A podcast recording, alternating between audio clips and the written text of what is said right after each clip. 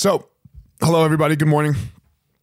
I was talking with my friend Vinny the other day, Vinny Lopez, and we were talking about this idea. Excuse me, this idea of grinding, like working really, really hard all the time.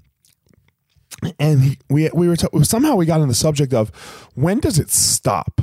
When does the grind stop? When do you stop working so hard?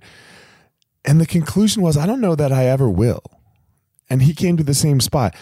I don't know that I'll ever want to stop working, like getting after it.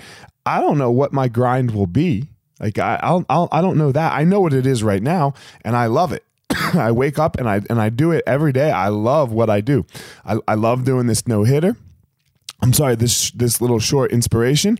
I love doing the regular podcast. I love teaching. I love coaching my kids football. I love I you know, and it's hard, it's work, but I, man, I love doing it. I absolutely love everything I do and it's a grind.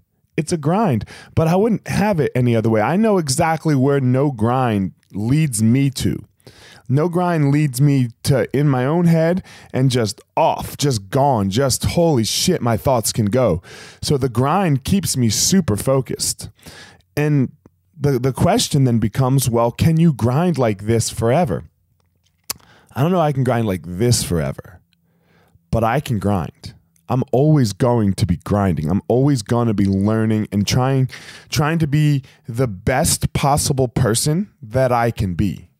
And it's kind of one of those things I, I know, okay, so being the best possible person that I can be is unachievable almost.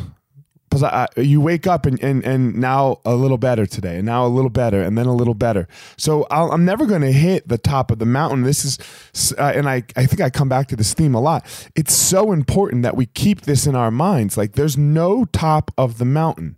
It, it doesn't exist. You always have to take another step. You're never on the downside.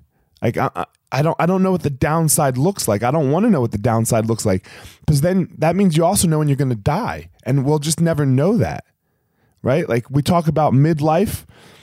Mid, what's midlife? I, it could be ninety percent over. It could it could almost be gone done now. You could be ninety five percent done. We have no clue what midlife is. 40s midlife no for you could die at 45 so what's that so i don't know what the downside looks like you know do i do i want to enjoy my time yeah of course i want to enjoy my time but i enjoy my time doing what i do and that that to me is a grind you know i, I like it. It, it it brings me inspiration it brings me love it brings me challenges it makes me charge when i'm 70 who knows who knows what that looks like I, but I don't worry about it. I don't worry about it. Don't worry about it. Just wake up today and grind. Wake up today and grind. Wake up today, be better than you were yesterday.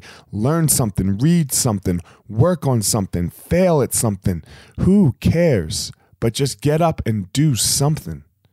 We know exactly where nothing leads.